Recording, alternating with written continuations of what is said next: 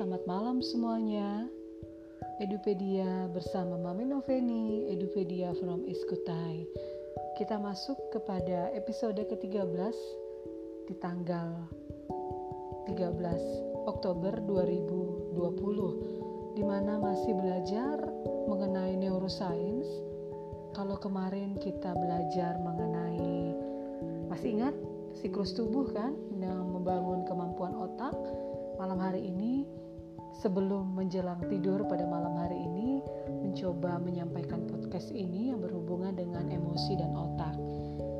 Tadi saya bikin status kebetulan dapat satu emoticon yang berhubungan tentang apa yang kita rasakan. Jadi pas nih pada pagi pagi hari, pada malam hari ini untuk bisa membagikan ini kepada rekan-rekan semuanya, kepada teman-teman semuanya, kepada ayah bunda, kepada setiap pendengar podcast ini mengenai neuroscience yang berhubungan dengan emosi dan otak. Nah, perlu kita ketahui bersama, emosi ini benar-benar memainkan peran penting dalam ingatan maupun motivasi kita. Emosi ditampung dalam bagian tengah otak. Jadi emosi yang terjadi dalam tubuh kita, yang terjadi di dalam siklus hidup manusia ditampung dalam bagian tengah otak. Ketika informasi yang datang dihubungkan dengan emosi, biasanya informasi tersebut memperoleh prioritas tinggi untuk diproses. Jadi, emosi apa, perasaan apa yang ada pada kita pada saat ini, biasanya itu memperoleh prioritas tinggi diproses oleh otak kita. Oleh karena itu, teman-teman pasti ingat, rekan-rekan semuanya juga pasti ingat, kita paling mudah mengingat saat-saat terbaik dan terburuk dalam hidup kita. Benar? Kita paling mudah mengingat saat-saat terbaik dan terburuk dalam hidup kita. Coba kita kembali refleksikan, kita kembali merenungkan apa yang terjadi hal-hal yang terburuk, hal-hal yang terbaik di dalam hidup kita biasanya berhubungan dengan emosi. Dan para peneliti mengatakan dan percaya bahwa hal tersebut disebabkan ketika hormon-hormon dilepaskan oleh otak bekerja sebagai fiksatif. Bekerja sebagai fiksatif itu pelekat ingatan kita. Lalu mengapa emosi sangat mempengaruhi ketahanan kita terhadap sesuatu? Contohnya, jika kita mencoba mengingat berbagai hal dalam pikiran kita, kita akan melihat dan bisa memperhatikan bahwa ingatan-ingatan yang paling cepat diakses oleh otak kita yang disertai dengan emosi. Benar tidak? Coba Bapak Ibu, Ayah Bunda, Papi Mami, Om Tante, kalian semuanya yang mendengarkan podcast ini bisa mengingat kembali yang terjadi melalui ingatan-ingatan kita yang paling cepat diakses oleh otak yang disertai dengan emosi. Kemudian sejumlah penelitian menunjukkan bahwa motivasi juga berkaitan dengan emosi kita. Terkadang ini bisa benar sekali ya kalau lihat pengalaman-pengalaman kita, misalkan ada emosi-emosi negatif yang kuat itu jelas menghambat kemampuan kita saat berpikir. Contohnya juga ketika kita melakukan itu mungkin terhadap lingkungan atau pola asuh, pola didik kepada anak-anak kita. Coba deh ingat, ketika terjadi mungkin pertengkaran, perdebatan di saat pagi hari sebelum melakukan segala aktivitas, itu akan mengganggu konsentrasi kita sepanjang hari. Ayo ingat, saya pernah juga ya siapa sih yang nggak pernah berdebat bertengkar dengan pasangannya ya kan? Pasti ada hal-hal yang diperdebatkan, yang dipertengkarkan atau hal-hal yang memang membuat naik darah atau emosi ya Nah, kalau itu terjadi di saat-saat yang momennya yang sebenarnya harusnya menyenangkan, kemudian terjadi momen tidak menyenangkan, otomatis misalkan pagi hari bawaannya bad mood saja, bawaannya marah saja. Yang terjadi sepanjang hari itu jelas akan mengganggu seluruh konsentrasi dan perhatian kita. Kita ingat harusnya fresh ya melakukan setiap tugas dan aktivitas kita menjelang kegiatan-kegiatan di pagi hari di rumah bawaannya emosi bawaannya marah ingat deh yang terjadi sampai sore atau malam hari kita tidak bisa maksimal terhadap apa yang kita lakukan sepanjang hari itu bahkan ahli-ahli neuroscience mengatakan bahwa emosi itu merupakan bagian kunci dari proses-proses logika dan pembelajaran. Otak membuat keputusan-keputusan yang lebih baik ketika ada emosi tertentu.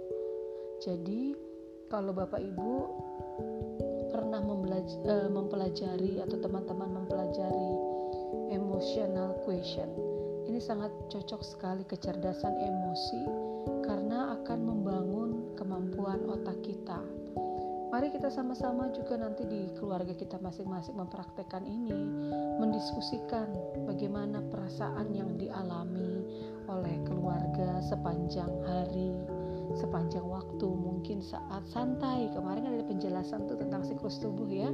Di saat-saat senja, di saat-saat sore hari, jam 5 sampai jam 7 itu saat-saat yang tepat untuk membangun komunikasi yang baik Diskusikan perasaan-perasaan kita untuk bisa mengatasi kesedihan, berbagi kegembiraan, bisa mengekspresikan ketidakpuasan, memecahkan masalah, konflik, menenangkan jiwa, keseimbangan hidup, bahkan kepada anak-anak kita supaya anak-anak kita bisa memahami dan mengekspresikan emosi.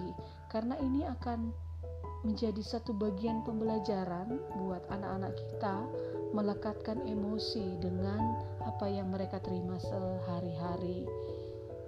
Kalau kita lagi senang, ya biasanya senang um, menyenandungkan lagu-lagu ya. Bagus juga saran yang baik ketika kita menyanyi sepanjang hari. Biasanya kalau lagi gembira ya pasti ada terungkap di dalam kata-kata, terungkap di dalam senandung yang dinyanyikan. Biasanya lagu-lagu yang positif coba kita keluarkan dari suara-suara kita.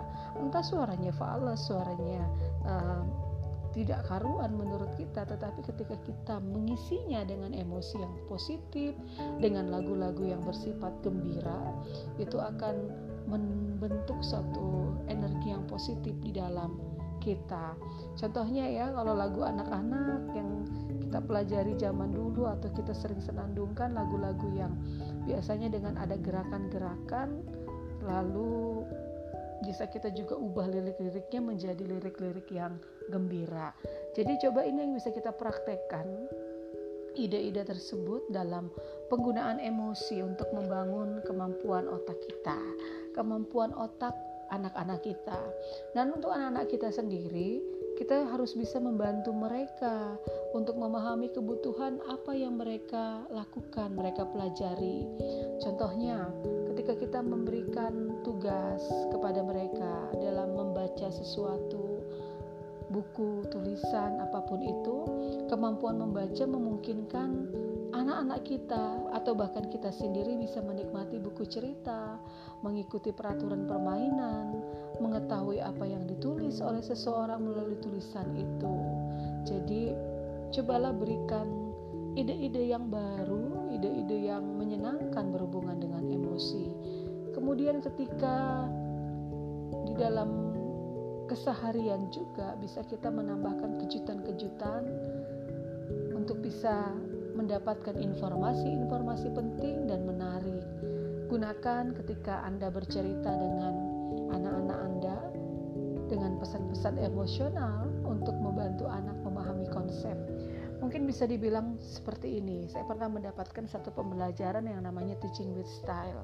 Jadi ketika mengajar dengan gaya-gaya tertentu sehingga menimbulkan semangat, menimbulkan uh, satu motivasi ketika kita bercerita ada pesan-pesan emosional melalui gerakan tangan, melalui mimik wajah, sehingga bisa membantu anak memahami konsep-konsep yang sedang dipelajari bersama orang tua. Kalau Anda seorang guru di masa daring dan uh, luring atau PJJ ini bisa kita ajarkan kepada siswa-siswa kita juga.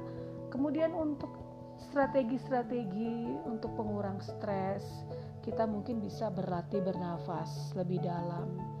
Kita bisa memikirkan tempat yang damai, atau kita datang ke tempat yang kita anggap nyaman, menimbulkan kesegaran baru, menimbulkan relaksasi, menimbulkan rasa damai, atau bisa juga yang nggak pernah berolahraga memanfaatkan waktu untuk berolahraga.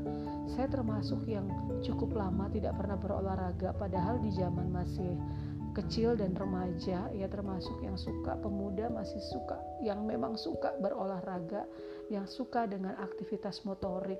Tetapi seiring waktu begitu malasnya. Ya baru sebulanan ya menjelang dua bulan ini saya mencoba menyempatkan waktu untuk bisa mengambil waktu bersama keluarga berolahraga. Dan hasilnya memang memberikan hasil yang melegakan sehingga kita melegakan stres yang ada hingga mengeluarkan energi-energi positif, emosi-emosi positif. Lalu kepada anak-anak kita tunjukkan bahwa kita menyayanginya dengan apa? Dengan pelukan, dengan ciuman kecil, ya. Ekspresikan emosi-emosi kita secara terbuka dan biarkan dia tahu saat kita gembira, sedih, marah, tenang atau puas ketika kita membicarakan kenangan-kenangan tentang berbagai peristiwa kepada anak-anak kita, tanyakan apakah ia bisa mengingat apa yang ia rasakan saat berlangsung peristiwa. Contohnya saat dia berulang tahun, saat dia mendapatkan sesuatu hal yang bagus, saat kita memuji dia, dan itu bisa kita diskusikan bersama-sama sehingga ketika melakukan itu bersama dengan anak-anak kita, kita akan paham kemudian kita akan tahu anak-anak akan memahami kebutuhan akan hal yang dia pelajari sesuai dengan uh, emosi yang memainkan peran penting di dalam ingatan maupun motivasi dia selama dia belajar itu ke anak-anak kita. Nah, bagaimana dengan orang dewasa? Kalau banyak sekali energi dan hal-hal yang negatif yang keluar dari kita berarti kita perlu berkaca diri kita baru introspeksi diri dan kita mungkin membutuhkan bantuan orang yang lebih paham mengenai ini. Misalkan para konselor, para psikolog kita juga bisa terbuka kepada mereka sehingga bisa menolong kondisi-kondisi kita yang mungkin tertahan di dalam emosi-emosi yang negatif. Ingat hormon-hormon yang ada di dalam ketika kita beremosi ada yang dilepaskan otak bekerja sebagai pelekat atau fiksatif tadi di dalam ingatan kita. Jadi mengapa emosi sangat mempengaruhi retensi kita ya di dalam kehidupan sehari-hari. Ingatan-ingatan yang yang paling cepat diakses itu yang disertai dengan emosi. Jadi itu ya teman-teman bisa kalian pahami podcast kita pada malam hari ini sehingga kita bisa mengetahui hubungan emosi dan otak. Terima kasih untuk mendengarkan podcast malam hari ini. Bersiap untuk istirahat. Selamat tidur. Edupedia bersama Mami Noveni. Edupedia from Ace Kutai. Terima kasih.